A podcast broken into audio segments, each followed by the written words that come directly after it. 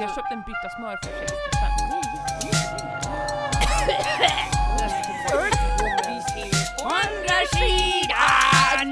Creepy.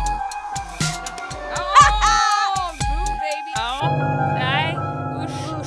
Ja, telefoner också. Tycker jag är lite läskigt. Ja, just det. Ja, det är det.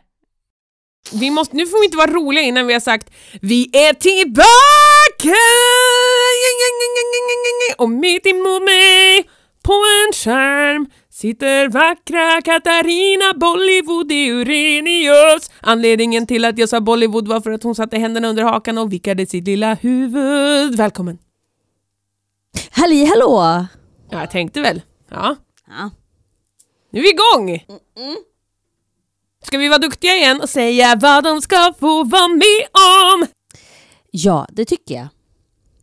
Okej, eh, det kommer att eh, vara en läskig sjö, nämligen Dödens sjö! Nej. Och det kommer, jo, Dödens sjö. Och det kommer vara en historia här som är eh, uppläst av Christer Cavalliusen som är om lastbilschaufförer och vad de får vara med om. Ooh, creepy. Vi ska även prata om, i faktarutan, så blir det en eh, engelsk by, är allt jag kommer säga nu. Det är en av, det är Englands mest hemsökta by. Jag tänker inte drop its name, jag tänker bara säga leave it at that. Leeds! Nej. Summersby! om.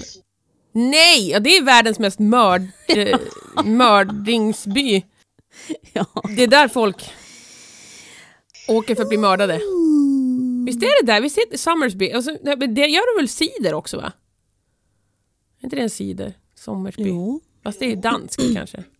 det är det. Men jag vet inte om det är... ehm, Ja, vem vet.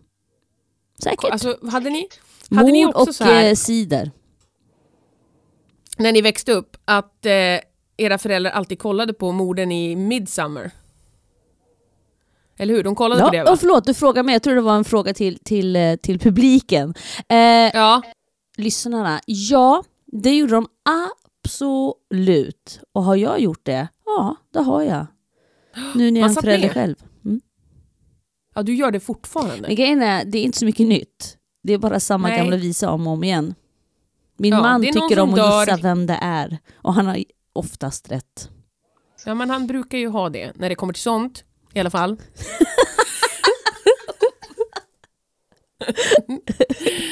jag är lite salty, Salty! För att jag har anklagat min man för att vara salty. Jag tycker att allt han säger till mig är salty. Mm. Att han är, att han är liksom, jag tycker att han är retsticka, jag tycker att han busar med mig alldeles för mycket, jag tycker att han är alldeles för sur mot mig. Och så sa han bara, det kanske är du som är salty, sa han då. Och då sa jag, oh that's salty, sa jag då. Och så gick jag in i min mensapp och det är åtta dagar kvar till mens. Mm. Mm. Mm. Så du är salty? Jag är nog salty och är lite, kanske lite extra känslig mot saker. Mm. Ja. You me sister. You and Mm. a me. Amen. Du ringde mig igår. Gjorde jag? Ja, det gjorde jag kanske. Vad ville jag? Nej, jag ringde dig igår för att min son Ja. Kan inte du fråga ifall Mana Mana vill spela med mig? Och då sa Ja. jag okej. Och så hade jag precis vaknat. Han, Ja. He was hoovering over me. Som Mm, att han var någon mm. slags hoover. Och sen Mm. sa jag okej fine. Så då, um, Du sa att det här var igår Katarina, det tror inte jag på. jo. För då ringde jag dig. Jaha. För Ja. jag, hade, s- jag kom hem och så var jag supertrött och så har jag ont Ja, i så huvudet. var det. Eh, för att det är också typ åtta dagar kvar tills jag ska ha mens. Eh, Mm. och då mår jag ganska skit. Och då så eh, ringde jag dig. Du Ja. sa hej! Jag bara, vill Hunna Hunna spela? Nu tror ni att vi håller på att muta våra barns namn, men de heter Manna Manna och Humma Humma. Det är deras namn. Ja, att, det är eh, det. Ja. Och då frågade du mig så här, är det okej?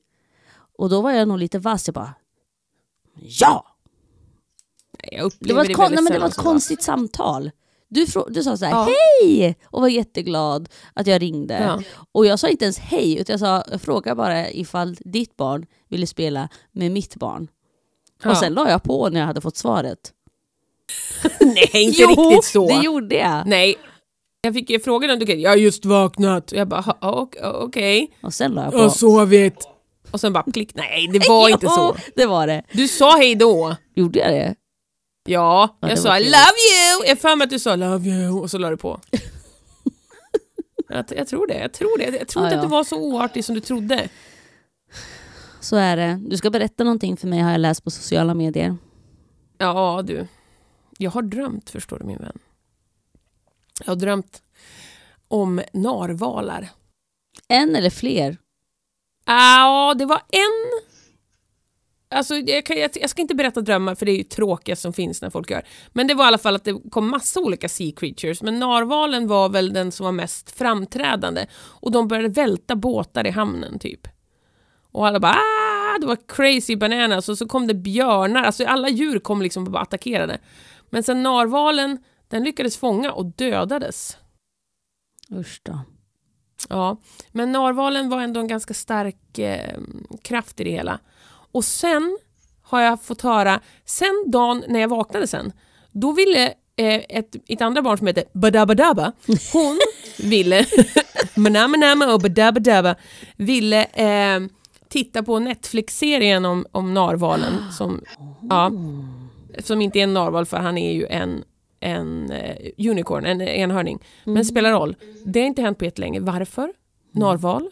Och så gick jag in på, på Instagram då såg jag en short med en kvinna som sa bara, eh, vad är det mest pinsamma som du, eh, som du inte visste var sant förrän du var alldeles för gammal för att fatta att det var sant. Mm. Och då var det så att hon trodde inte att narvalar fanns på riktigt.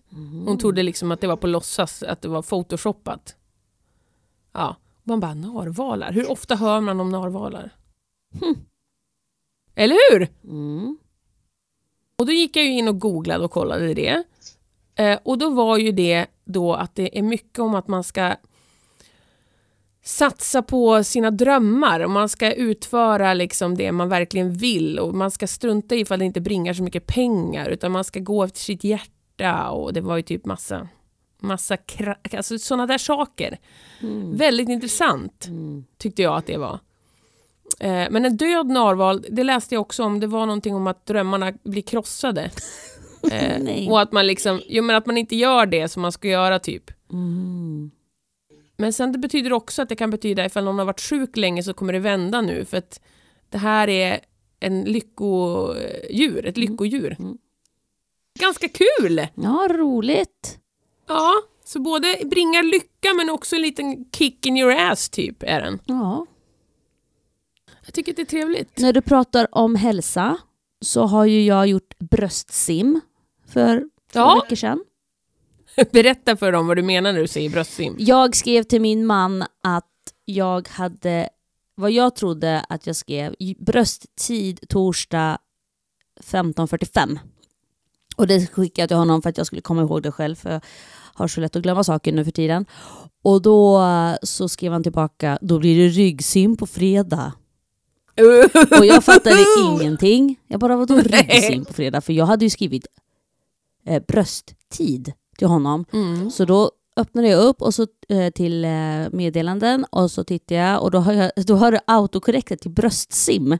Så då har jag alltså skrivit till honom bröstsim torsdag eh, 15.45. Så då var det jättekul. Så nu kallar vi det för bröstsim hemma när jag ska eh, gå på mammografi. Då har jag två saker här. Ja. Först eh, vill jag säga att jag var ju med när det här hände. När du läste det där Ja, ja, just det. Vi var hos Hans Och vi skrattade, för Mm. vi var hemma hos Hans Forsell som har fastlandet i Härnösand som är ett fantastiskt Brooklyn. ställe. Ja, nu heter det Brooklyn. Lilla det Brooklyn. Inte, jo, Lilla Brooklyn, precis. Fastlandet Lilla Brooklyn. Det, heter ju fortfarande fastlandet. Bla, bla, bla. Då hade vi massa roliga idéer som vi också borde ta upp och bolla lite med er. Vad ni tycker, vad tror ni? Va, va, va? Vi har mycket saker Mm. som händer. Ja, just det. Just det, så du var med. Eh, och sen så, i alla fall, så fick jag mitt svar nu. I Ja, det är posten. bra. Ja, för hörni, jag vill bara säga för er som har trätt in i 40, och gått över 40-strecket nu, kvinnor. For, Eh, så- oh! Vad sa du nu? For, oh! Jaha, Vad tyckte du du, att jag sa? Old! Nej, jag sa inte old. Då hade jag gjort så här. old, old. Eh, då så... um, Jag hade fått min kallelse till mammografin genom Kivra, Mm. men inte fått dem på, eller vad jag tänker, eller som jag upplever det så såg jag, eller jag såg aldrig det. För jag gick in på Kivra för att göra någonting annat, för att när jag får räkningar dit, det, det funkar inte för mig, för jag fattar ingenting. För att då blir där- inte de betalda. Den där gamlingshosten kanske jag skulle ändå råka, skulle jag kanske ändå släppt ut där egentligen då. Jag kollar inte på Men Kiva för jag tycker att om man ska få post. Att man får viktiga brev på Kivra, bara för att man har Kivra för någon anledning. Mm, Mm. Just det Lotta, hon nickar och ler med sina små Naturen. Katarina! I alla fall, så jag gick in Ja. dit för att göra någonting annat och då såg jag att jag hade fått en kallelse på mammografin, vilket jag hade missat. Ja just det, Ja. just det. Och då var jag sur och då tänkte jag, jaha, jag har väl cancer då? Tänkte jag, Nej. eftersom det är det slutsatsen jag drar. Ja, Och det då det. så, ah, inga problem, jag ringde, fick en ny tid direkt, Jätte, jättebra. Så bröstsimmet vart då för några, eh, ungefär två veckor sedan. Eh, Ja. och fick svar jättesnabbt. Och det står jättetydligt, ingen Inget. bröstcancer. Gud. Understruket liksom. Ja, gud. Men gud vad bra! Ja men det är skittydligt, jätteskönt. Jätte, jätteskönt. För det värsta är när man får ett sånt där brev och så är det bara text, text, text, text, text, text, text, text där det står text och text och text och så till sist lägg- det är lugnt typ. Alltså Ja. men det måste stå det är lugnt skitstort. F- först. Stora ja. Mm. först.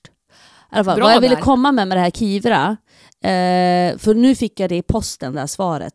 Ja. Annars hade det kommit på Kivra. Så man måste ha koll på, ni som är gamla som jag, har man Kivra, gå in på Kivra och så, så kan man klicka bort så här att man inte vill ha viktiga med man vill inte bli meddelad på Kivra utan man vill ha det på posten. Eller mail eller vad det nu kan vara. Tack för mig, mic drop. Okay. Mic drop, boom! Och sen någonting annat som du säkert också ville tipsa om det är att gör det. Kolla brösten. Gör det, alltså gå dit. Ja! Ja, ja, ja, Gå ja, på ja. era cellprovsgrejer, gå på era bröstskanningar, gå på ert bröstsim. För att till sist så kanske man har ryggsim. Eh, Sju meter under jorden. Mm. Nej, men Nej men vad hemskt mörkt Lotta, mörkt! Nej men på riktigt, det är ju allvar, det är ju allvar! Ja men det är klart att det är allvar. Ja, och det är många som tänker att nej men vad fan. Så tänker jag med tandläkaren hela tiden. Nej men vad fan, för de säger kom nu, kom kom. Och så tycker jag att ni är dyra och jag vill inte det. Och jag har inte ont någonstans. Men jag, nästa gång så ska jag säga okej då, jag kommer väl då. Men Ja. sånt där får man inte tänka så med. Nej Det det, är får man viktigt. absolut inte. Inte sådana koller. Inte. Nej, inte, sådana koller. Det är Nej. viktigt. Absolut inte. Och jag är en person, för mig gör det inte ont heller. Nej. Det varierar ju jättemycket för det finns de som tycker att det är jätteont att göra Ja, mammografi. man, kan, man kan använda mina boobies till liksom, du vet, boxningspåsar om man vill, tror jag. Mm. Det enda som gör ont är när barnen ska resa sig upp och tar sats, du vet, med armbågen i Ja, bröstet. det är inte dig skönt. Nej, det är förskräckligt. Det eller själva vulvan, alltså när de sätter armbågen Ja, i liksom. Man bara ah! Det är inte ja, skönt. eller hur? Barn. Barn. Låt oss inte Det var det vi starta kom om fram barn. till Barn kan ju prata om hur Förra som gången. Alltid barn. Nej, vi älskar dem. Åh. Puss! Men hörni, Love. någonting mer innan vi börjar och drar igång med berättelser så kan vi säga att det är snart jul. Mer det- jul jag vill ha. Mer jul, ge mig. Ja men det är fantastiskt alltså. Är det Vad det? konstigt det är. Nej det är ju det det är, är konstigt. Jag, Jag har gjort en smart grej i år. Jag har beställt på, eller vänta, jag tycker inte att det är jättebra, men vi har gjort så att vi har beställt genom Amazon. Mm. Och så kunde inte jag smidigt, få, vi kunde inte få det levererat till våran adress för någon anledning. Nej, Men nej. jag ville så mycket som möjligt spara ihop det på en och samma plats. Mm, mm. Så då så skrev jag in min brors och min svägerskas adress istället. Det vill säga jag tar emot paketen. Sagt till. Så när jag fick notisen att de var på väg, jag bara oh, jag kanske ska säga till att de kommer få Amazon-paket. Så nu tar de emot mina julklappspaket, vilket jag tycker är jätteskönt. Vill ni veta vad postmannen har sagt till mig? För det har varit, för grejen är att när man beställer från Amazon, nu handlar inte jag alla julklappar där, jag vill säga att jag är faktiskt också miljökämpe och det är du också Katarina. Mm. Men, men, men det har ju blivit så att de skickas ju inte alltid i samma paket, Nej. hela beställningarna. Så att det är ju också lite knasigt för det kommer från olika ställen. Och då säger postmannen till mig helt plötsligt en dag, han bara, är du rik eller? Och jag bara, det här är typ tystnad, jag tycker, är det verkligen okej? Jag bara, och säger jag så egentligen? Det sa jag inte. Jag bara, hehe, nej de kommer bara i olika beställningar. Men det är verkligen nästan ett paketleverans till mig varje dag nu. Ja. Och nu kommer även Katarinas paket till mig. Så han tänker bara, what up? Ja, det är Ja, konstigt, herregud. för det blir ju inte bra ändå, tänker jag. Nej, Man vill samla allting på en bra. plats, men så kommer det i olika omgångar ändå, så vad har man gjort då? ja vad har man gjort då? Ja, man, har, Nej, man, man, kanske, man kanske har skippat fraktkostnaden. Det Ja, kanske man har fått jo. göra. Men, men det blir Men vem är ändå... det som betalar? Moder Jord! Ja. Ja, nej men så här är det ju faktiskt. Våra barn är ju väldigt amerikaniserade. Och våra barn ser ju saker som man oftast inte kan få tag på i liksom, affärerna här, tyvärr. Alltså, de har väldigt specifik smak. Jag kommer ihåg på min tid när man fick hem leksakskatalogen, då var ju det som bibeln. Mm. Och så satt man där och bläddrade, så här, slickade på sina fingrar. Mm, mm, bläddrade, ringa och så man in. Precis. Ringa in, ringa in. Ja, det var, det var fint alltså. Mm. Det var fina tider.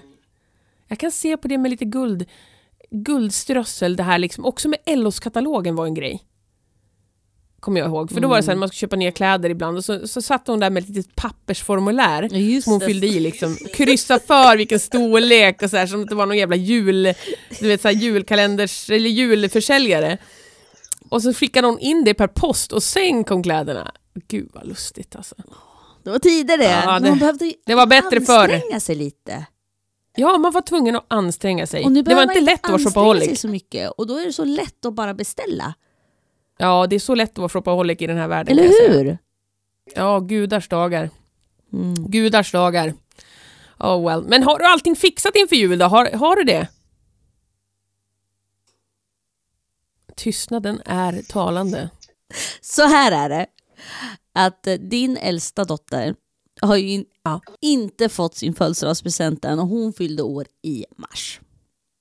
Ja, Mm. ja. Ja, för att jag skulle göra den själv, eftersom jag trycker t-shirts, så skulle jag göra det själv. Vilket, det är inte lätt när man är mig. Har jag märkt. Nej, det är inte lätt. Nej, det är inte så lätt inte när man lätt. heter Katarina Hultman Eurenius att, att liksom få det gjort. För Få arslet ur vagnen. för, för att, för att mm, man måste hitta rätt typ av tröja för att kunna trycka på. Jag tänkte precis säga det, cut yourself som slack, för du har ju verkligen försökt. Ja. Det har ju blivit några misslyckade försök. Det har ju blivit det. Och sen så Ja.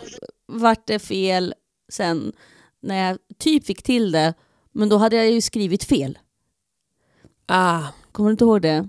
Det ska ju stå cinema roll. Nej, cinema. No, cinema. cinema. vet du vad jag kom på nu, Katarina? Hej, Lotta från framtiden här. Det kommer att bli lite förvirrande för er här, för det vi råkade göra var att jag råkade spela in på högtalartelefon, så att det blev... Det är också därför förklaringen till varför det ibland ekar lite när Katarina pratar. Så att nu kommer ni få höra mitt meltdown och ni kommer höra oss sen fortsätta. Jag försöker ju få Katarina att börja om allting. Men jag tycker ändå att vi lyckades rädda det ganska bra. Så keep on listening. Yes, keep on listening. Allt är förstört! Allt det här bra vi har spelat in är förstört! Jag är så dum i huvudet! Nej! Vi har gjort hela försnacket Katarina! Ska vi bara börja om? Ja, fast jag har inte tid att börja om. Min, min man och min Fan! yngsta son ska iväg. Åh, dumma dem! Var ska de någonstans? Det är bra. Vet du, man kan alltid skylla på någon annan, tänker jag. Ja, det är barnens fel. Det är det jag sagt Ja, hela det tiden. det, och det sa vi också. Ja, det sa vi också återigen. Och nu sa vi det en andra gång. Nej, men det jag skulle säga för någonting. Var ska de någonstans då? Eh, det ska åkas till Kramfors och så ska det hämtas ut byxor. Storstan? Ja, hämtat ut byxor på Kapal som jag har köpt. Och sen ska det köpas glögg, Mhm. godis, kattsand, bröd. Så du ska också med? Nej, jag ska storstäda ja. För imorgon är det första advent. Och du, du kommer vara stolt över mig. För jag håller på att ta tag, inte bara i mina inre lådor och min Ja. inre stökighet. Vackert. Är vackert, eller hur? Mhm. Nu när jag ändå är sjukskriven på 25% då tänkte jag så här. Jag ska göra mitt allra bästa för att få ordning på mitt hem. Mm. Så jag har städat den här studion som vi har raljerat över några gånger. Mm. Eh, det som också är gästrum och arbetsrum. Den är så ren, det är så ordning och reda. Var sak har sin plats förstår du. Mm. Och jag har slängt så mycket skräp. Jag är så och det stolt där över dig. Vi har ett skåp ovanför våra eh, brödrostar. Vi har flera brödrostar för vi har nämligen en celiakist, höll jag på att säga. Någon som har celiaki i vårt hus. Och då får man inte rosta bröd i samma brödrost för då Nej. kommer det gluten på det. Men det jag skulle säga i alla fall, det skåpet har Katarina tittat in i. Mm. Gottaskåpet. det är väl ungefär som att titta in i min hjärna. Och när jag säger gottaskåp, alltså det är gott och blandat där. Det är både chips, godis, mediciner och eh, annat. Ja, det är allt. Det är verkligen allt för en härlig hel kväll. Ja, ja, ja, men. Det är också papper och skit och grejer. Men nu är det så rent så det finns till och med spare place för andra saker. Oh. Ja. Men nu har ju vi som sagt bajs, eller jag har bajsat bort skitmycket tid och massa roligt prat. Jag tycker vi På- tar på det på här saker. tillsammans. För att jag tyckte att jag hörde mig själv eka. Ja, eller men hur? Katarina, det men så trodde jag att fint. du hade en lur i ena örat. Ja, jag har en lur i inga öron. Nej. Men nu har jag lurar Nu har du lurar och nu har vi Ja. 31 minuter på oss. För jag sa att det här skulle ta en Lycka timme. Men hur som helst, eh, de får fan vänta. Eh, nu kommer första berättelsen. Ja. Och första berättelsen förstår ni, den heter så mycket som Dödens sjö. Dödens Ehm, sjö! Dödens sjö! Och jag kommer behöva skriva, det kommer ju såklart ifrån ehm, eh, Reddits eh, creepy eh, No Sleep forum. Jag kommer behöva klippa in namnet på vem som skrivit berättelsen i informationen förstår ni mina kära lyssnare. För att jag har glömt bort att ta med mig det. Och den som läser in den här berättelsen, Dödens sjö, det är jag. Lotta Hultman har läst in den. Ta, väl, väl lyssnas, väl lyssnes. Triggervarning, det här kommer att finnas tankar om självmord i den här berättelsen. Det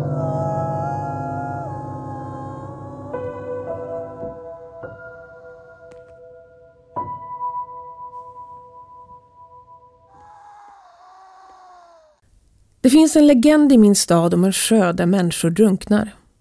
Det är mycket omdebatterat om folk åker dit för att drunkna av egen vilja eller om själva sjön på något sätt dränker dem. Det anspråkslösa vattenmassan har inget riktigt namn, som jag eller någon annan kan minnas i alla fall. Men folk har börjat kalla den Dödens sjö. Dödens sjö drar sig till människor som nattfjärilar så- till en låga, sa den spinkiga posttjänstemannen som jag träffade på en bar en gång till mig. Det är som den där japanska självmordsskogen. Några människor hängde sig där och sen skapade det liksom en Streisand-effekt och andra självmordsbenägna människor skulle därför också åka dit för att dö, hörde jag någon töntig universitetstyp säga en gång på ett café. Det är djävulen. Det är alltid djävulen, sa min moster Shirley, som verkade tro att allt utanför kyrkan var djävulen. Jag visste att de alla var fulla av skit. Jag skryter inte, men jag simmade liksom i dödens sjö hela tiden. Det är faktiskt en riktigt fin plats. Och jag är ganska tacksam för dess skamfilade rykte. För tack vare legenden så fick jag simma i den helt själv. Jag åkte gärna dit de där sommardagarna som började med svett och slutade med ännu mer svett. Det var ett ställe att svalka sig från värmen och till viss del från skrämmande idioterna i vår stad. Jag var drottningen av Döda sjön. Jag simmar i de omkomnas blod, brukade jag tänka när ämnet dök upp. Men Jag antar att det bara finns så mycket att prata om i en stad där det inte finns något att prata om. Det ger folk här en viss känsla av beständighet. Här finns fabriken på Långgatan där alla arbetar. Guppy, baren som ägs av en man som kallas Guppy, men som aldrig själv kallar sig det. Vilket ger anläggningens namn en aura av småstad. Här finns grupptryck, trångsynthet och naturligtvis Dödens sjö. Dit alla dessa namnlösa och okända människor går för att drunkna. Så när halloween snart närmade sig tog legenden såklart fart igen.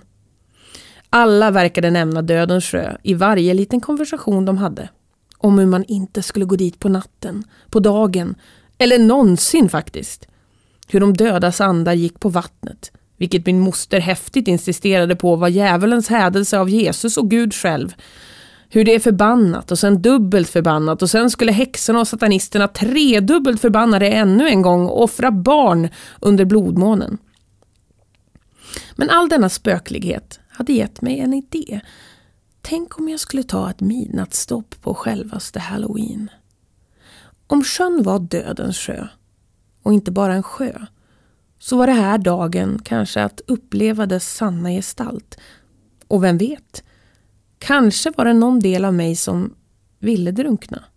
Någon sjuk upp och nervänd teori om att jag skulle kunna undkomma tristessens fasor i min fåniga lilla stad via döden genom att drunkna. För övrigt så var ingen av de andra erbjudandena för halloween lika roliga som min idé. Så jag bestämde mig för att göra just det.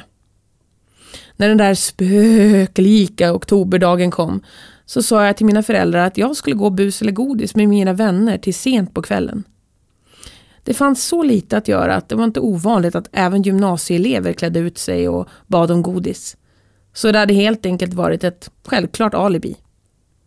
Jag tog på mig mina vanliga kläder men på huvudet bar jag ett par glittrande horn. Jag sa till mina föräldrar att jag var djävulen, sträckte ut min tunga ur munnen och gjorde hornsymboler med mina händer. De skrattade men sa åt mig att undvika moster Shirley. Hon kommer tro att vi är djävulens föräldrar, sa mamma med ett leende. Och det skulle ta minst sex månader av kyrkan att fixa det. För att tala sanning så var mitt alibi inte en fullständig lögn. Jag gick ut vid 19-tiden, mötte upp ett par vänner, Sara och Jakob, klädda till Rödluvan respektive den stora elaka vargen. Och vi busade i några timmar tills vi samlat oss rejäla påsar med godis. Jakob hade tagit med sig en halv flaska whisky som han hade stulit från sin pappa. Och vi turades om att dricka och äta godis efter varje klunk för att dölja den äckliga smaken. Vid 23-tiden sa jag hejdå till Sara och Jakob. Jag sa till dem att jag skulle hem. Men när de väl var utom synhåll vände jag mina steg mot sjön. Till och med de var lite vidskepliga. Och jag ville inte att de skulle förstöra min plan. Jag kom dit lite före midnatt. Den svala ytan speglade den silvriga månen i vattnets små krusningar. Jag var ensam och redo.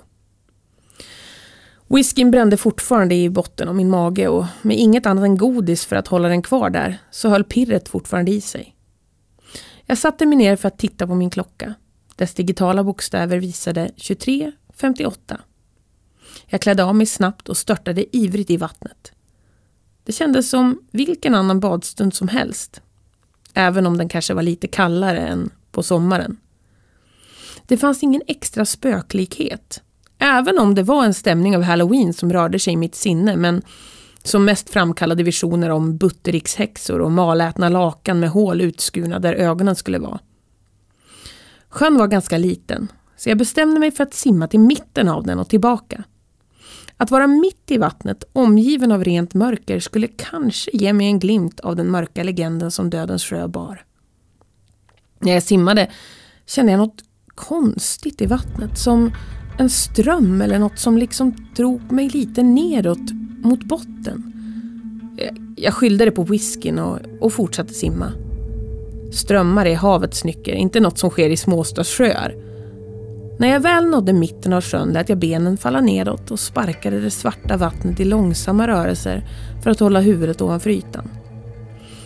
Jag snurrade mig långsamt runt för att se mig omkring efter Jesus reinkarnation men jag fick inga sådana välsignelser.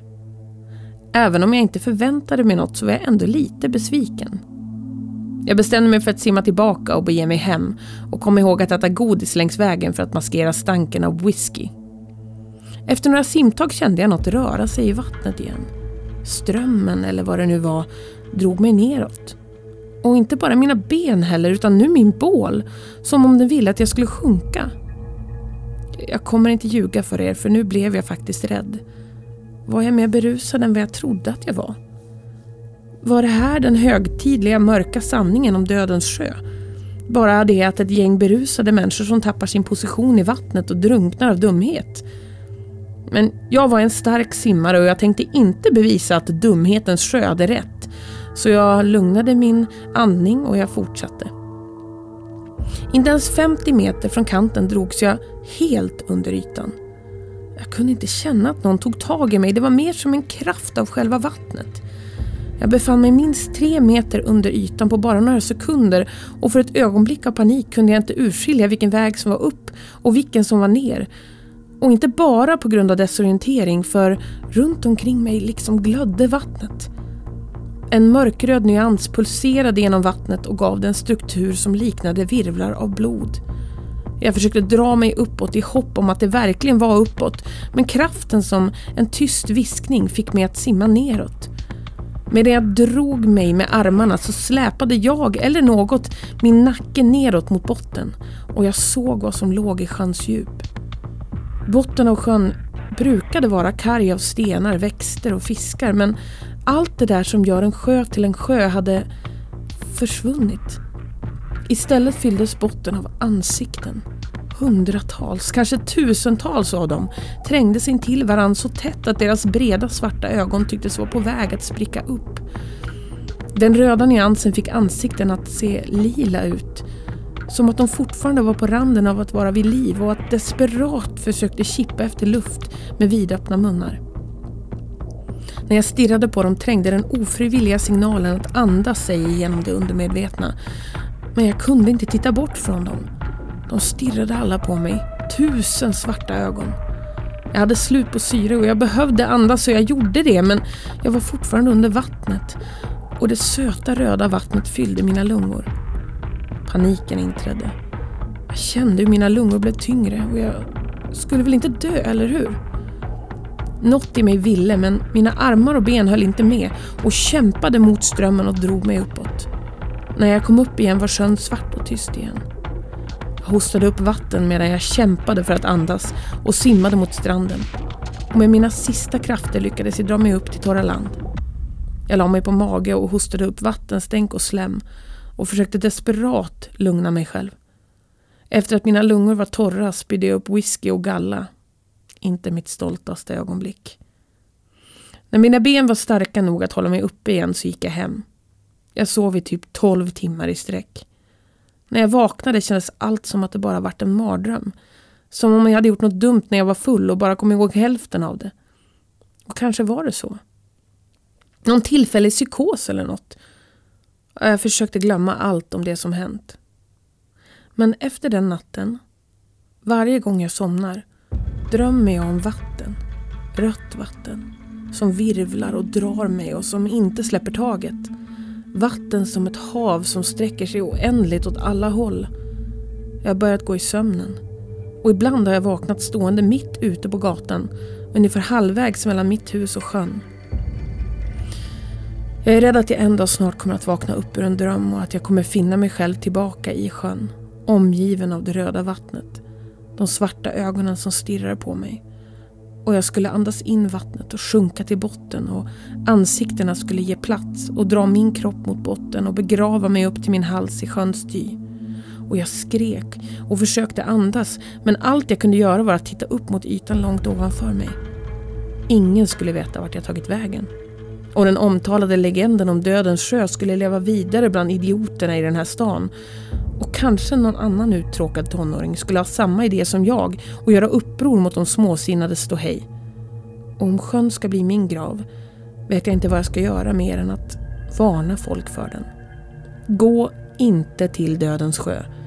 Inte bara för att stadsborna säger det, med färgstarka överdrifter av dess natur. Åk inte dit. För verkligheten är mycket, mycket värre än deras berättelser. Det är inte värt det. Det är inte värt att ta reda på dess sanna form.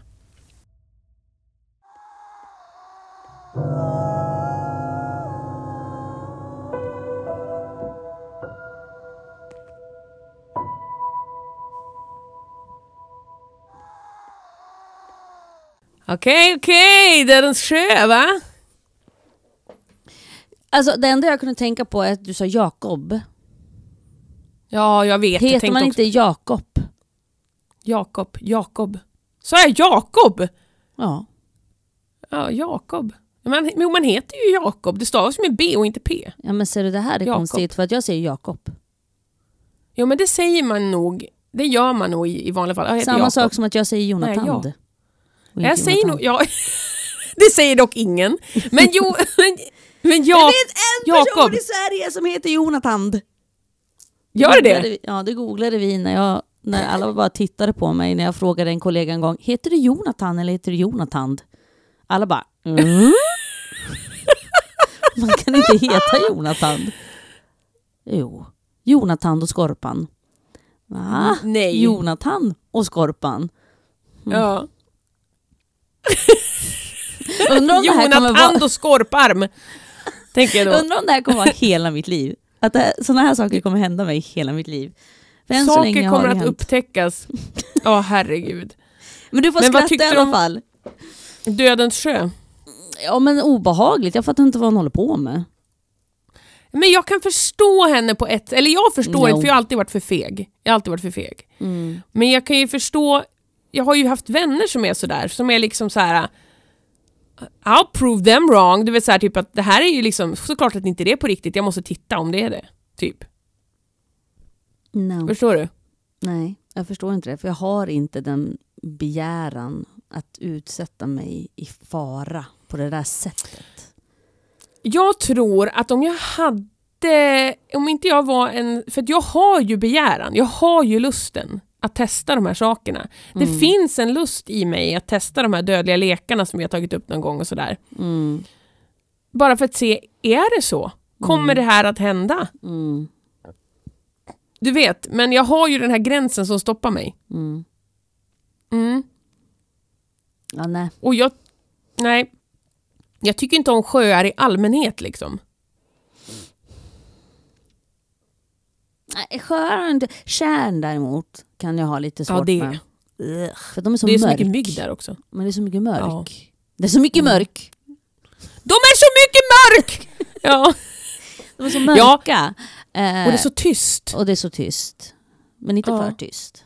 För det finns ändå ljud. Nej, Men ehm, jag, jag fattar inte vad hon håller på med. Hon får skylla sig själv.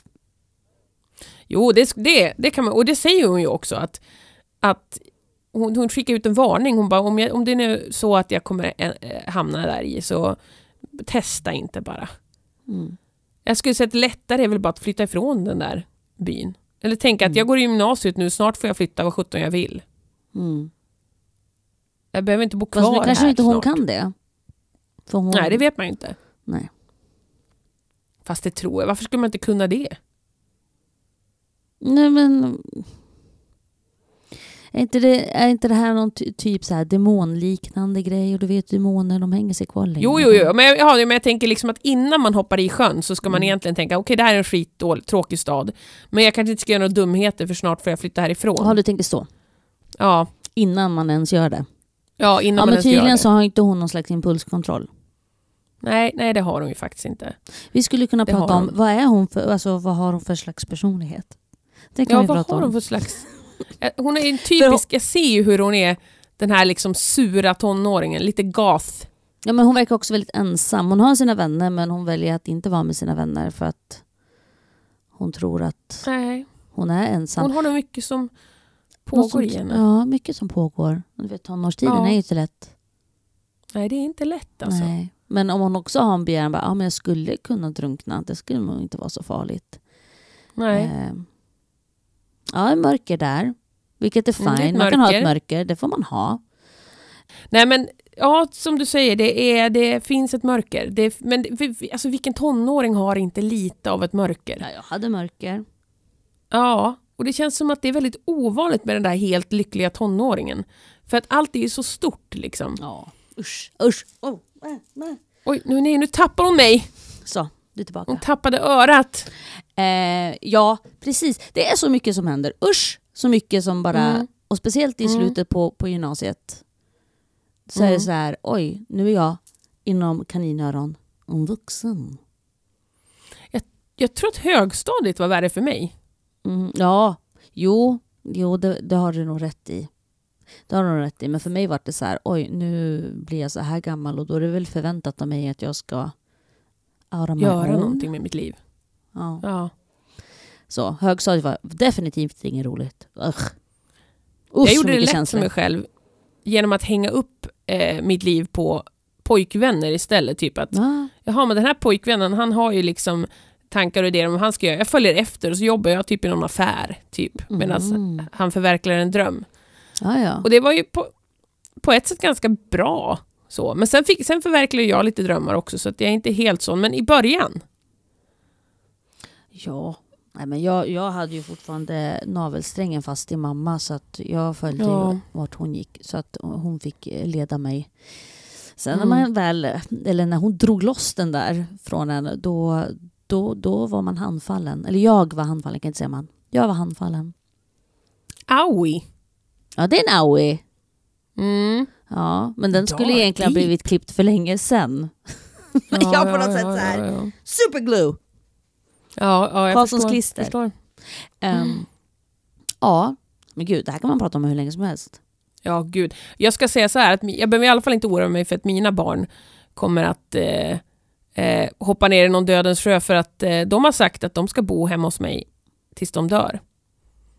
Så att det, det, det är lugnt. Jag kommer, de, de håller sig hemma, vet du. Mm. Hur känns det då? Fylls kroppen med ångest när jag säger så? Jag och Jon tittar på varandra och skrattar. Kul! Men visst är det, eller så, här, så här är det för mig, att jag kan inte föreställa mina barn, jag kan inte föreställa mig dem Mm. annorlunda fast de är vuxna i tanken. liksom. Ja, men min, Nej, nej, nej, min, min äldsta kan ju säga det också, att jag kommer alltid bo hemma. Okej, men Mm. då är min tanke så här, precis som man är nu. Mm. Och jag tänker, hur ska nej, det gå? obehagligt. Hur ska Det är inte gå? bra det. Hur Nej, ska, ska jag det gå? alltid behöva läsa honom godnattsaga då? Ja, eller Alltså, ska han det är alltid säga äcklig mat? Ja, precis. Åh dagar. Det ger mig ångest, men jag förstår ju att han förhoppningsvis utvecklas. Eh, Jag tror nog det. Jag Ja. tror det brukar, det är ju så det vi, vi, den vägen vi brukar gå. I vanliga fall. eh, ja, ibland, men inte alltid. Men jag ser att Katarina redan börjar bli trött. Så därför så lägger jag på en liten flinga salt med ännu en berättelse. Vi kan ju prata om det här i all evighet som ja, sagt. precis. Go. Men eftersom att jag har sjabblat bort det mesta, men jag har kommit på en idé. Jag ska klippa ihop så att det här blir bra. Jag har en, jag har en idé. Jag har en idé. Alla, Ja, ja. håll, håll andan. Det kommer bli bra. Men nu ska Men- vi lyssna på nästa. Berättelsen som kommer nu, den heter Målningarna från landet ingenstans. Oh. Och den är uppläst utav Christer Cavallius. Välkommen tillbaka, jag älskar när han läser alltså. Och jag måste säga att när jag hörde hans, hans take på den här berättelsen som jag översatt, för den här kommer också ifrån Creepy-forumet, eh, eller No Sleep-forumet på Reddit, så fick jag åt, så återupplevde jag den på nytt. Jag fick rys, förstår ni. Mm. Här ska det också in en liten triggervarning. För nu handlar det om barn som far illa. Inte liksom, men det kommer vara lite... Det, det är ju barn som det handlar om lite grann här. Och lastbilschaufförer. Så att eh, trigger, trigger.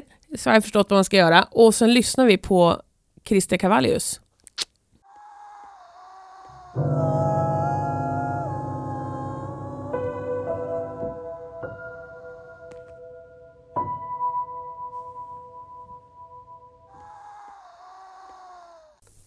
Jag jobbade som lastbilschaufför i fyra år. Långa sträckor och ensamma timmar fram och tillbaka genom vårt avlånga land. Lastbilschaufförer är en intressant sorts människor och under pandemin upptäckte jag att jag inte längre kunde vara en av dem. Du får höra många historier och legender från andra lastbilschaufförer medan du hinkar bränt kaffe från din termos och undrar vad som fick dig att välja just detta yrke. Vissa av dessa historier är roliga och vissa bekräftar din tro på mänskligheten. Men de flesta av dem får hårstråna i din nacke att resas och dina skinkor att spännas. Det finns en rad berättelser som jag både hatade att höra och samtidigt inte kunde få nog av. Sådana som lastbilschaufförer inte berättar för någon annan än andra lastbilschaufförer. De berättelser som ofta besöker mina tankar under nätterna på vägarna var de om väggmålningarna ritade med krita på sidorna av bensinstationer, restauranger, lador och rastplatser längs E4. De beskrivs som otroligt detaljerade, ditmålade av en galning med begåvade händer. Teckningarna föreställer barn som faller från himlen genom molnen och mot sin död. Barnen på dessa målningar skriker alltid. De är uteslutande klädda i gammeldags pyjamas. Den där luddiga sorten med fötter på. Ena handen håller i en välkramad nallebjörn där en av ögonen ofta saknas medan den andra är utsträckt mot himlen och mot ett slags avbildning av Peter Pan som flyger över dem. Hela Pans kropp ser ut precis som du skulle föreställa dig den i ditt huvud men ansiktet ser ut som om det ritats och sedan smetats över av konstnären. Det är uppenbart i väggmålningarna eller teckningarna eller vad fan du vill kalla dem att Pan har tappat barnen och dömt dem till en fruktansvärd död. För lastbilschaufförerna är de kända som teckningarna från landet ingenstans. Utöver att ha hört om dem från andra lastbilschaufförer hade jag aldrig och har inte heller sedan dess hört talas om dem från någon annan. Det var ett tecken på vad som skulle komma. Berättelserna säger att kort efter att en målning hittats så kommer ett barn i en närliggande stad att försvinna mitt i natten. Deras fönster lämnas öppna. Det finns aldrig några tecken på inbrott i hemmen. Det ser alltid ut som om barnen själva öppnat fönstren och släppt in någon. Eller något. Det finns aldrig några tecken på kamp. Inga ledtrådar alls. Barnens kroppar från väggmålningarna hittas alltid nästa dag någonstans mitt på motorvägen. De hittas med sin nalle hårt hållen under armen. Deras kroppar är krossade som om de har fallit från ett jäkla flygplan. Deras ögon är öppna och tittar upp mot himlen. Jag har träffat chaufförer som svurit på att de känt killar som upptäckt väggmålningar och kroppar genom åren. Legenden säger att målningarna började dyka upp i slutet av 30-talet och att de dyker upp här och var än till denna dag. Det handlar om hundratals barn. Jag hade alltid tänkt att det var skitsnack. Men det var en bra historia som på något sätt verkade rimlig de där långa nätterna när man ville försöka hålla sig vaken. För en tid sedan var E4 nedströsslad av vägarbeten och under den tiden så var motorvägen så mycket lugnare med mycket färre idioter på vägarna att hantera. Trevligt tyst. Jag hade kört fler timmar än vad jag brukar. Jag hade planerat stopp längs hela vägen från Kiruna till Skåne och jag hade god tid på mig. Men jag hade nästan inte sovit på två dagar. Klockan hade varit strax efter midnatt när jag drog in på en rastplats i Gävle för att få några timmars sömn. Det fanns inga andra lastbilar där den natten. Jag vred och vände på mig en stund, men jag visste att det inte var någon mening. Jag kunde inte somna. Jag steg ur lastbilen och snubblade mig fram till badrummet som låg i en liten rektangulär tegelbyggnad en bit bort från min lastbil. Luften var iskall. Det var en av de där extremt kalla nätterna som liksom dämpar ljudet runt dig. Nästan som hur det kan vara när det är nyss snöat. Jag hörde ett skrapande ljud framför mig och tänkte att det kanske var en grävling eller något annat som letade efter skräp att äta. Jag ägnade inte mycket uppmärksamhet åt det. Jag slängde upp ståldörren och gick till urinarerna. Det luktade piss och cigarettrök. Jag sträckte mig efter min gylf när något rullade över golvet och stötte till min fot. Det var en kort och tjock bit grön krita. Jag såg snabbt åt höger varifrån kritan hade rullat och där, på väggen i badrummet, såg jag en av de omtalade målningarna. Den såg precis ut som de gjort i berättelserna jag hade hört, men på något sätt ännu mer grotesk. Det fallande barnet såg så verkligt ut, men det var Peter Pan som fick mig att darra. Ansiktet hade inte blivit utsmetat än. Hans hår var vitt och det hängde över ansiktet i långa sjok. Han log ett långt deformerat leende som om hans käke var dubbelt så lång som den borde vara. Hans ögon var gula. Cigarettröken hade blivit starkare. Jag vände mig mot raden av stånd. Endast ett av dem hade dörren helt stängd.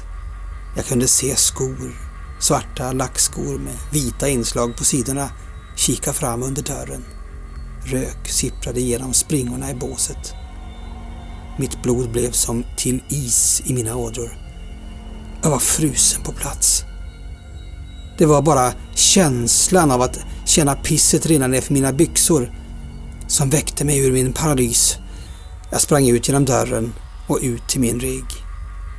När jag väl kommit in och låst dörren tog jag snabbt fram min komradio. Innan jag hunnit ringa in vad jag sett så öppnades metalldörren till toaletterna. Det såg ut som att personen som stegar ut från byggnaden var en ung pojke. Han hade vitt hår som var gulfärgat mot topparna och det hängde ner till hans axlar och höljde hans ansikte. Han var klädd i jeans och en lång svart kappa. Hans händer var täckta av färg. Han höll huvudet lågt. Han såg verkligen ung ut.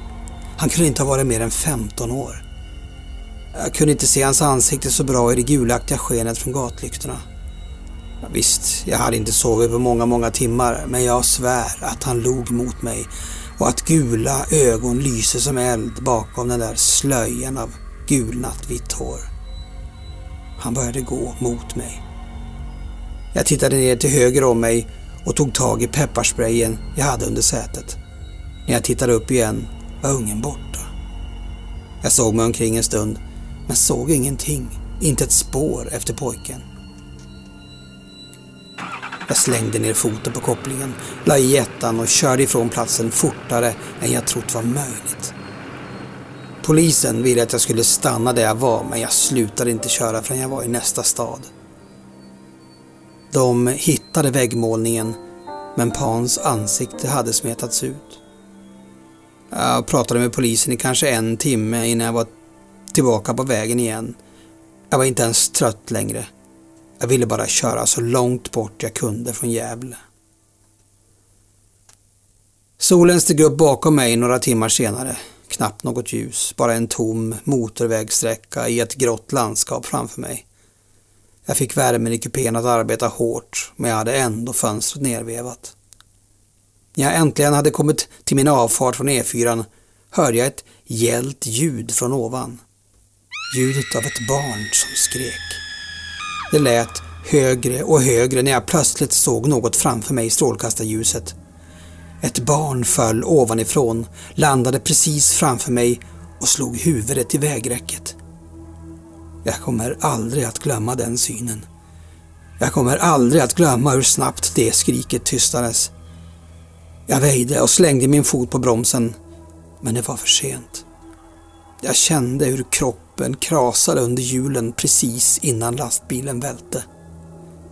Lastbilen låg på sidan, mitt på motorvägen. När jag väl frigjort mig från säkerhetsbältet klättrade jag ut ur hytten och sprang baklänges längs vägen med pepparsprayen i handen. Bakom släpet kunde jag se en liten hand sticka ut under ekipaget med en välkramad, skrotig nallebjörn strax bakom den. Den satt upp och tittade på mig med bara ett öga. Något slog plötsligt i marken bredvid mig. Det var nallens andra öga som tittade tillbaka upp mot mig. Jag kände lukten av cigarettrök runt mig och jag svär att jag hörde en pojke skratta där uppe i den kalla, tysta gryningen. Barnets död bedömdes som en olycka. Barnet i målningen på rastplatsen stämde på pricken av hur hon såg ut. Även om jag sa till dem att jag hade sett henne falla mitt framför mig tyckte alla att jag var för utmattad för att bli tagen på allvar. De trodde att hon hade blivit kidnappad av den unge mannen jag sett, på något sätt rymt och tyvärr sprungit ut framför min lastbil. Jag vet vad jag såg. Det var min sista dag som lastbilschaufför. Jag har aldrig kört den vägsträckan igen.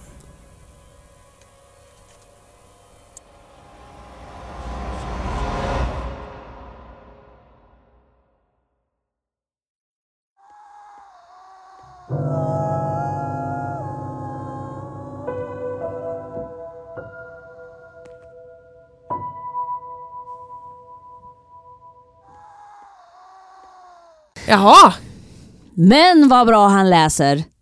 Ja visst gör han. Oj, oj, oj, oj, oj, oj, oj. Oj, oj, oj, oj, oj, oj, oj. Oj, oj, oj, oj.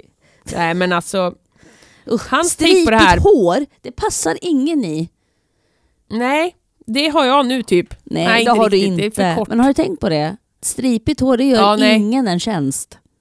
Ja men du vet såhär, när det är jättefett och slickar sig efter Ja, ansiktet. men det- Och så liksom, Nej, om någon tänker så här, men stripigt Blablabla. hår det är ju lite snyggt. Nej, tänk om. För det är det inte. Det, det får en att se väldigt Tänk mer om. obehaglig ut än vad man är.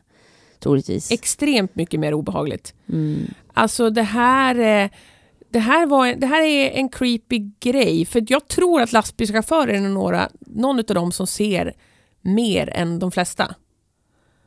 Nu håller Katarina på att pilla på mig. Eller på skärmen. Jag sänkte Hon att på att vingla på skärmen. Ehm, ja, ja, Mm. det måste Mm. de verkligen göra. Ja, de ser, de ser mycket. De är med om mycket. Eh, De är ute på nätterna och vägarna, du vet. Men i originalet, är det, är det är inte svenska vägar i originalet utan Nej. då är det Nej. amerikanska vägar? Ja, i, I originalet så är, kör han eh, mellan tre delstater tror jag. Mm. Så att han eh, ja, har ju varit uppe väldigt, väldigt sent och det är det polisen tror att han har, för att du har sovit så lite och sådär. Mm. Eh, men eh, eh, så, och, och egentligen då, som jag sa till dig också, så sträcker han ju inte sig efter en pepparspray i originalhistorien, utan då sträcker han ju sig efter en pistol såklart. Just det. Men i, i Sverige så har ju inte lastbilschaufförer förhoppningsvis pistoler under sitt säte. Så han Nej. eh, sträcker sig efter pepparsprayen. Men alltså, Nej, vad hemskt. jätteotäckt och liksom att eh, bara eh, eh, man lever sig in för att han är så bra på att berätta hur känslan är. Så man lever sig in hur man går in Mm. på den här liksom rasttoaletten. Mm. Och man liksom står där och det ekar lite grann och det är klinkers och kakel. Mm. Och så kommer en jävla krita rullandes och Men- stöter i hans fot. Men det fattar inte, är det bo- jag fattar inte riktigt. Det är bås, det är bås Det är bås. och sen är det liksom... Ja, men och så, är det man- ritat på där han sitter? Eller är det ritat Nej, någon annanstans? Som jag föreställer mig i rummet. Då tänker jag mig att det är pissoarer Ah, och sen tänker jag att han står där ah. och sen tittar han liksom inåt mot rummet. Och då tänker jag mig att, det liksom att, man har, att han bakom sig har bås. Och sen så på väggen liksom mellan båsen och pi- pissoaren liksom. Att det är där i, Mm. i, i slutet av rummet liksom ser han teckningen. Och sen liksom att han ser hans fötter. Att han ser, bara det att man vet att man är ensam på en rastplats. Mm. Och så ser man ett par fötter. Det finns ingen annan bil. Nej tack säger jag då. Nej, det var bra Jag så. säger nej tack. Ja, jag håller med. Usch. Ah. Det är väldigt sällan i en sån situation jag skulle säga ja tack. Ja! Du bara, vad trevligt en vän! Hallå, kompis! Vill du bli min vän? I could wash your hair for you. Jag kan tvätta håret på dig. Yes! Då blir nog den personen mer rädd, tror jag. Tror du? Jag, Låt jag mig tror... få Ja, men, Låt mig få tvaga dig. låt, oh, jag har så längtat efter att tvaga någon. Tänk vilken tur! Ja, men alltså, det, jag tror verkligen på den här grejen att Var mer läskig än den läskiga så kommer du att gå ut helskinnad ur Ja, det hela okej. problemet. Och i det här fa- fallet, hur skulle jag kunna vara mer läskig än en stripig kille som ritar läskiga teckningar? Ja, men man kanske ska säga "Haha, jag är inte ensam här inne, nu kommer jag att ta dig. Jag vet inte. Ja, absolut. I'm a ghost. Medan man sakta backar ut ifrån rummet. Ja. Ja, ja. Ja, men, Men, jag vet inte. Ja. Okej, men så att alltså, grunden är då att den här striphåriga killen kan flyga. ja. På något sätt är Så det är någon slags demon då? Ja, hans ögon lyser ju också gult. Så att, Just det, det är väldigt ovanligt mm, det, är- det är ju ovanligt. Det är det. att man har ögon Som lyser. reflexögon som djur har för de är weird.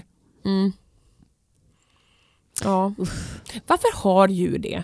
För jag förstår inte, för det är inte som att de visste att bilar skulle komma så att de ska synas. För jag menar, det är inte som att heller andra djur har ficklampor och går runt och lyser på folk. Månljuset då?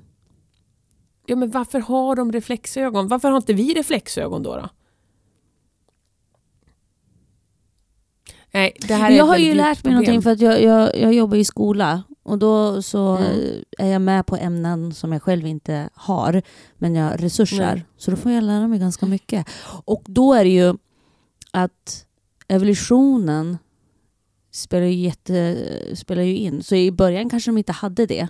Utan det är någonting, nej. att det vart någon mutation i ett djjur. Men så insåg Mm. man att det var bra att ha den. Så då Mm. nästa gång, när den fick barn, då fick de det Mm. arvet. Liksom. Det kanske har något med mörkerseendet att göra. Nej, jag vet inte. Det där ska jag, jag ska forska upp det. Jag kommer inte att göra det, men jag tar upp det i nästa avsnitt och säger vad, vad det beror på. Jag kommer inte Låter jag kommer dum komma nu, då när jag sa så? Nej, det tycker jag inte. Vadå? Det kan ju ändå vara samma sak. Oj, det var ju visst bra att kunna se i mörker och så råkar man glänsa samtidigt. Det- Vad är det? Man råkar glänsa. En grej. Ja, men då är det bra sen Ja, när men det måste ju kommer. finnas en, en anledning som du säger. Det måste ju finnas en, anledning varför man har reflexögon. Ja, nu är det ju bra, varf- för då ser man ju Ja. när man kör bil. Ja, precis. Man ser. men då tänker jag också Varför att, lyser djurs ögon? men då tänker jag också så här att när det gäller jakt, även om det är ett djur som jagar ett annat djur eller om det är en människa som jagar ett djur, så om månen lyser starkt då, reflek- då reflekterar ju ögonen även när det inte fanns ficklampor. Jag har ett svar Okej, på Kul. frågan. Mm. Djurs ögon lyser i mörkret. Det beror på att det är ett speciellt skikt i djurens ögon som kallas tapetum lucidum. Och du är så duktig Skiktet på sånt på- där, läsa Mm. svåra ord. Ski- tapetum lucidum. Oj, oj, oj. Skiktet ligger på baksidan av den ljuskänsliga näthinnan Mm. och reflekterar det ljus som tränger igenom den här, eh, det här skiktet. Mm. På så sätt så kan de ljuskänsliga cellerna i ögat återanvända ljuset en extra gång så att de kan se i mörker. Oj, vad komplicerat det lät.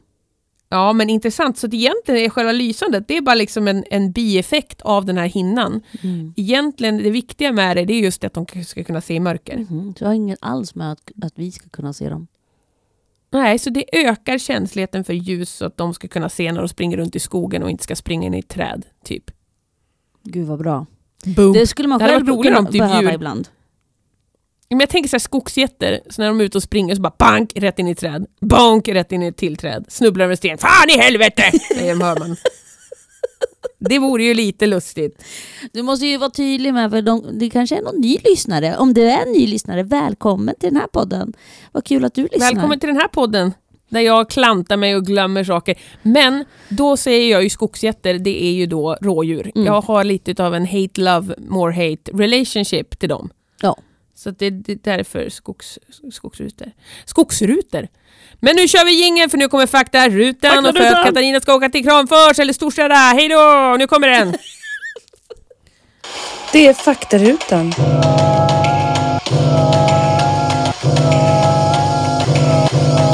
Det är faktarutan.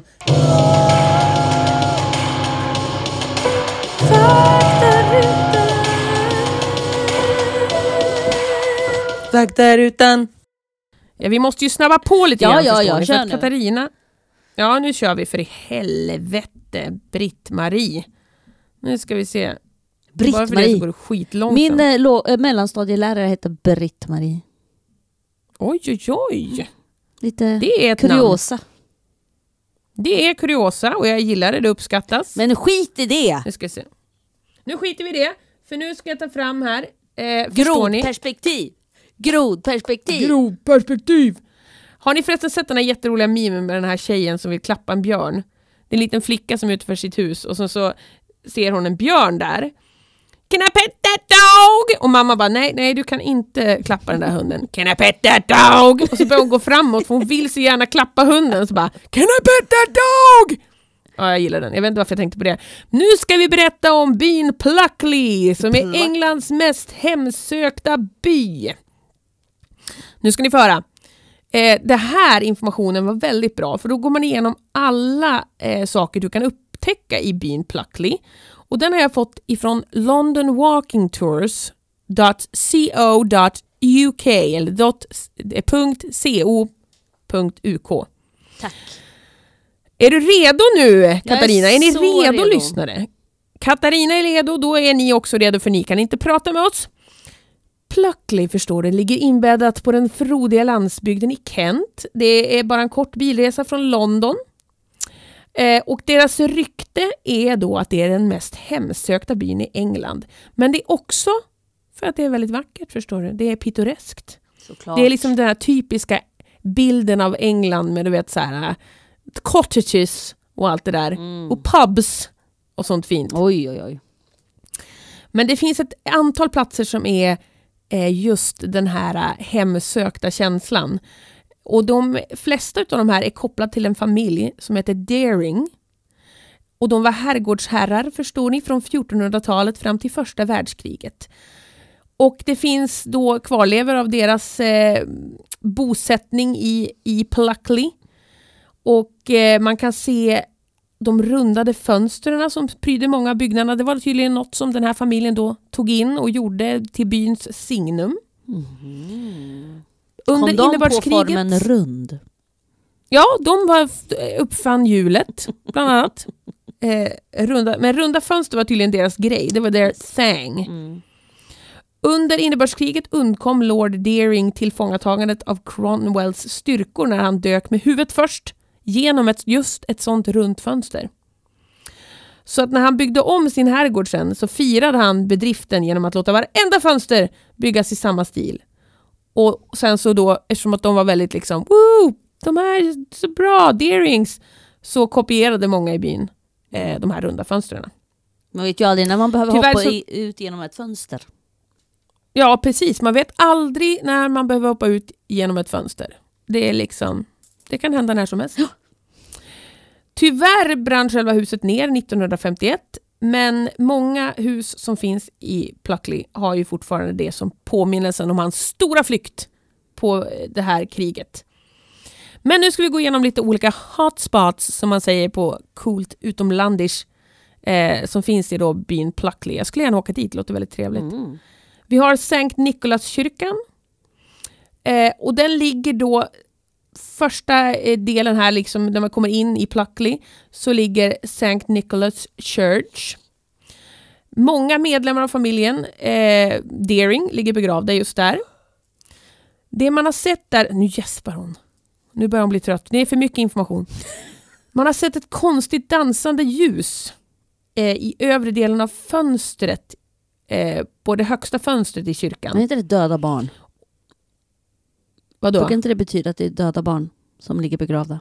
Oj, ja, just det, just det. Det har vi pratat också om i något avsnitt. Mm. Om det var kanske Patreons. Det här ljudet. Jag minns inte. ljuset menar jag. Mm.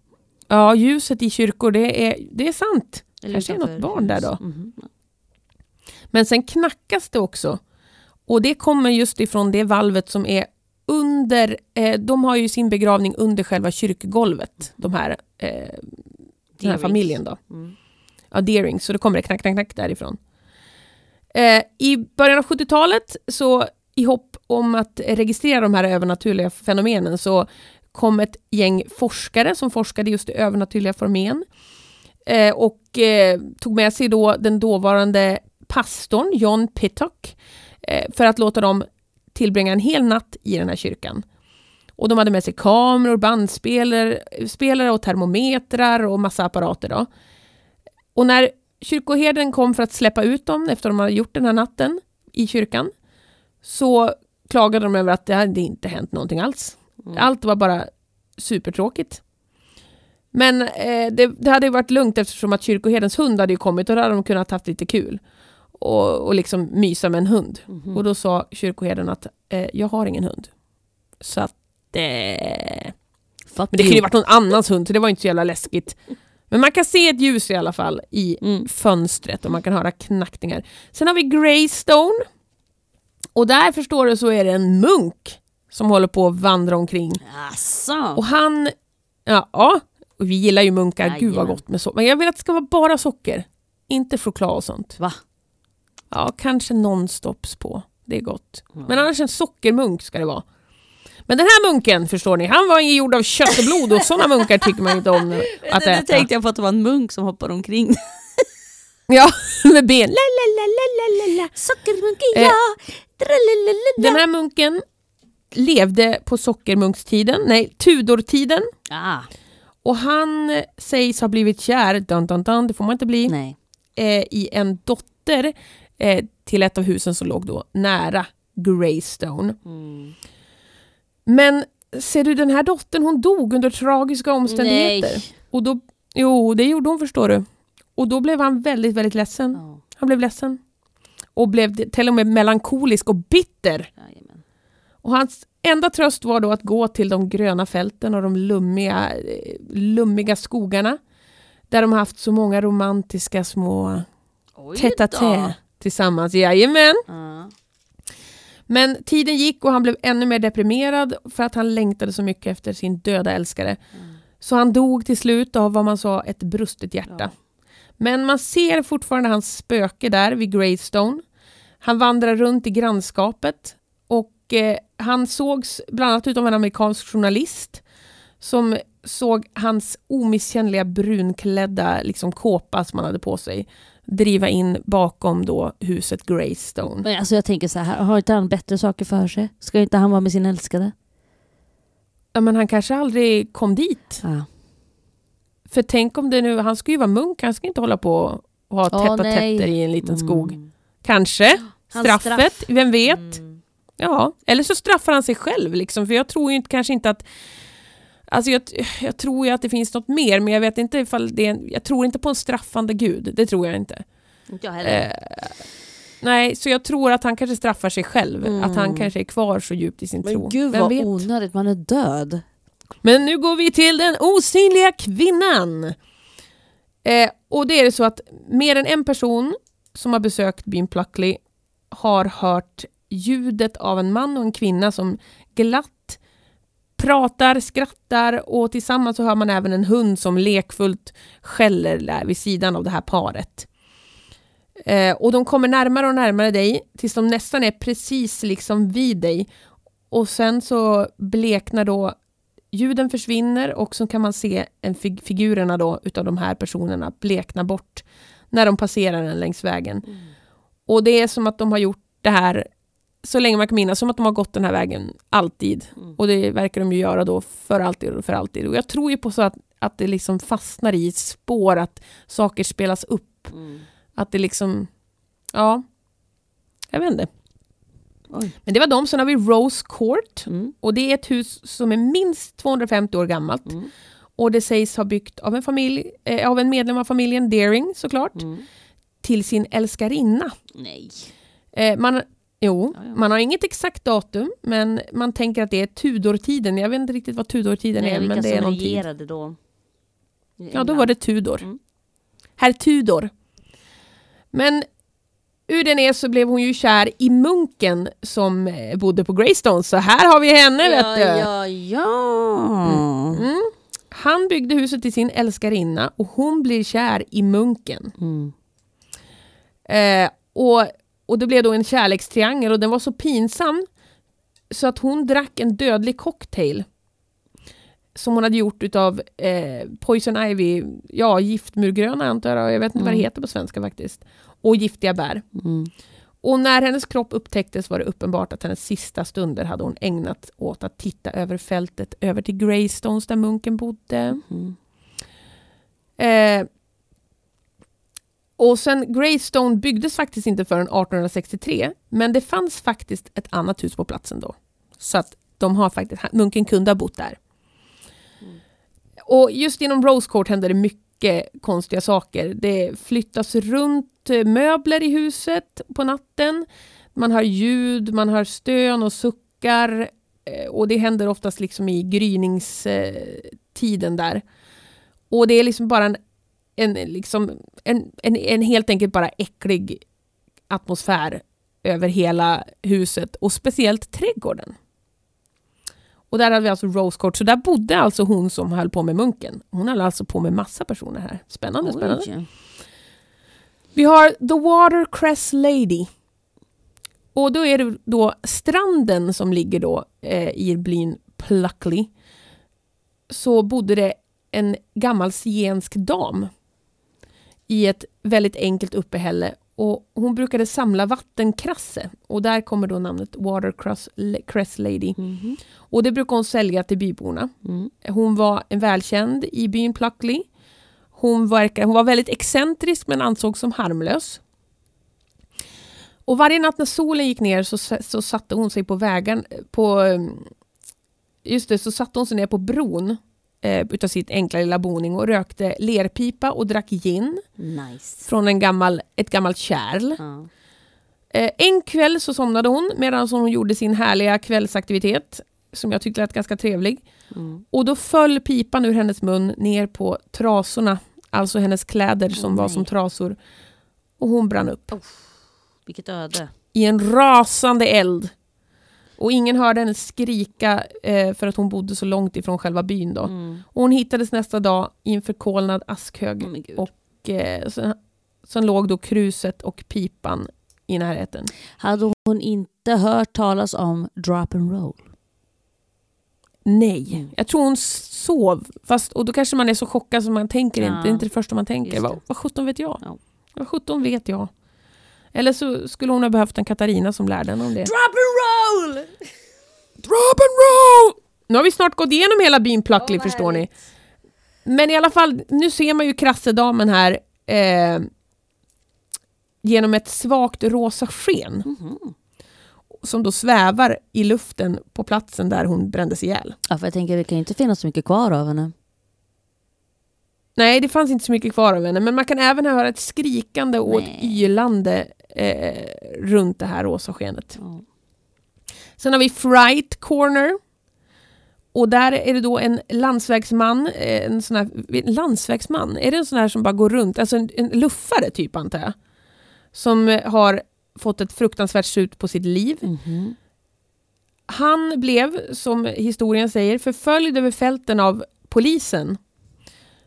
Och eh, ställde sig då sen med ryggen mot en ek. Och eh, för att gömma sig. Men sen blev det då en kamp mellan honom av polisen när de, när de hittade honom. Och han blev övermannad och genomkördes med dolkar. Och svärd. Han hade tydligen gjort något väldigt dåligt. Och det man kan se då vid den här eken, den är faktiskt nedtagen nu, själva eken, men, men fortfarande så upp, uppspelas den här striden Mm. inför förskräckta vittnen som passerar den här platsen under de tidiga timmarna på vinterkvällar. Mm. Andra kan se hans livlösa kropp som bara ligger sjunken framåt och fäst vid ett träd som inte finns. Då. Det är som ett spökträd skulle man kunna säga. Mm. Och ett stort svärd som sticker ut från hans bröst.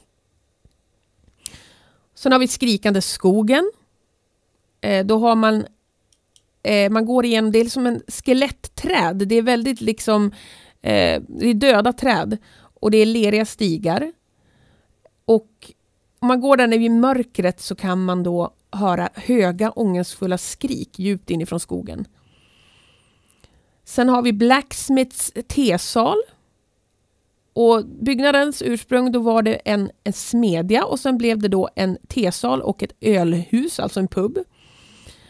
Just det. Man kan se en kavaljer som har en, som är ganska trevligt spöke. Eh, det finns minst två spöken som bor där. Och han brukar då gå in och ut ur olika rum på övervåningen. Sen finns det också en piga eh, som brukar stå vid öppna spisen och långsamt stå och, och röra runt i en, eh, i en kittel. Och hon, kunder som ser henne brukar bli väldigt förvirrade. Sen, sen brukar liksom möbler röra på sig, skram, skramlande saker som klirrar ihop, alltså tallrikar och bestick och sånt. Eh, och sen en kall november eftermiddag när Gloria, som nu äger det här huset, eh, arbetade i köket så hörde hon hur ytterdörren öppnades och stängdes. Och sen hörde hon hur en stol flyttades bort från ett bord. Hon tog upp sitt anteckningsblock och gick för att ta emot en kundsbeställning trodde hon, men det var tomt. Hon kunde bara se att en stol hade flyttats, eh, flyttats ifrån bordet, men det fanns ingen i byggnaden. Mm. Nu har vi två, tre små saker kvar. Vi har rektorn. För på 20-talet så kom en grupp barn på väg till skolan eh, att se kroppen av sin lärare som hängde i ett träd eh, på en gren ifrån ett träd. Och han hade tagit självmord men ingen kunde veta varför. Men vissa nätter när det blåser lite lätt i träden och en fullmåne hänger högt på natthimlen då kan man se hans mystiska spöklika form hänga fram och tillbaka från grenen där hans eh, kropp då hittades Mm. hängd på 1920-talet. Stackars barn. Vi har, ja, verkligen. Det är dem det är värst för. Sen har vi bageriet. Eh, när man renoverade den här fastigheten så tog man bort en gammal viktoriansk eldstad. Och eh, det visade den ursprungliga ugnen som stod där. Och efter att man gjorde det så började det komma massa konstiga händelser. Då hör man spöklika fotsteg. Eh, man, eh, man börjar känna kalla fläckar lite här och var. Även om det liksom är stekande sommar ute. Och eh, vägen som går då utanför det här bageriet så brukar man se en eh, spökhästar Mhm. eh, och höra liksom kloppidi kloppidi kloppidi klopp Mm. Tidigt på morgonen. Och sista hotspotten i byn Pluckley som får avsluta denna faktaruta. Då har vi eh, The Black Horse Inn. Och den ägs då utav Lara Gambling. Alltså nu, idag, Horse? nutida. Som horor. Va? The Black Horse, inte hor, inte hor innet utan det är den svarta hästens Ja, motell då, eller vad det blir. Ja, horse. In, inte, inte Where my hose at? eh, så här, är- första gången hon har köpt puben. Hon satt hennes första söndag där. Satt hon och njöt av en kopp te. Eh, innan hon öppnade liksom upp eh, the in för söndagens liksom brunch så märkte hon att ett glas på hyllan ovanför baren började röra sig lite, lite, lite grann. Och sen såg hon hur glaset började glida längs med hyllan och stannade precis när det nådde kanten. Sen så har hon även sett en osynlig hand som lyfter upp bestick från byrån och ordnar det snyggt. Eh, sen så hennes hundar brukar stanna upp plötsligt och skälla på något som inte finns. Och så finns det ett rum på övervåningen som hundar bara vägrar att gå in i.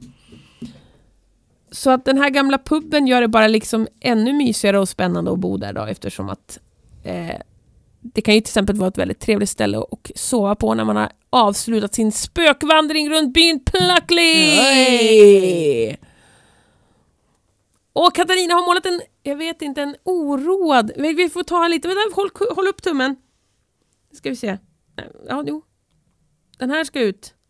Där fick ni, ni kommer att få se en bild på Katarinas tummen upp som hon dessutom har målat ett litet ansikte på som ser väldigt oroat Ja. ut. Det var inte så glad tycker jag inte. Nej men den var söt. Den var söt, den ser lite ledsen Ja. ut. Kanske för att vi har dragit ut över tiden så att Katarina och Kommer få skäll. storstäda. Eh, Ja, du kommer få skäll. har du kört jingeln? Ja, nu kör vi ingen för i helvete! Faktarutan. Mm.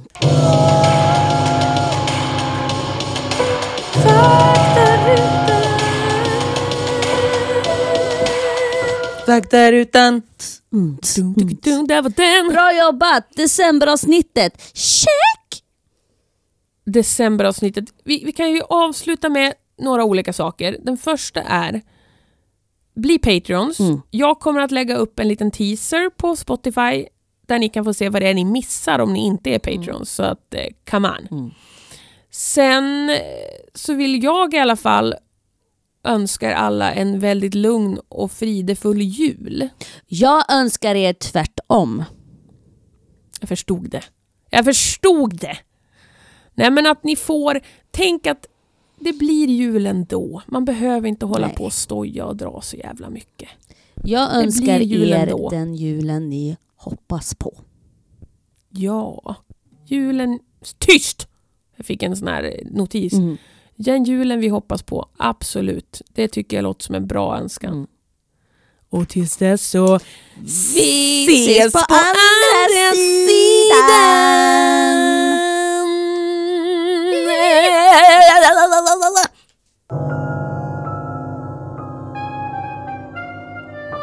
Jag har köpt en bytta smör för 60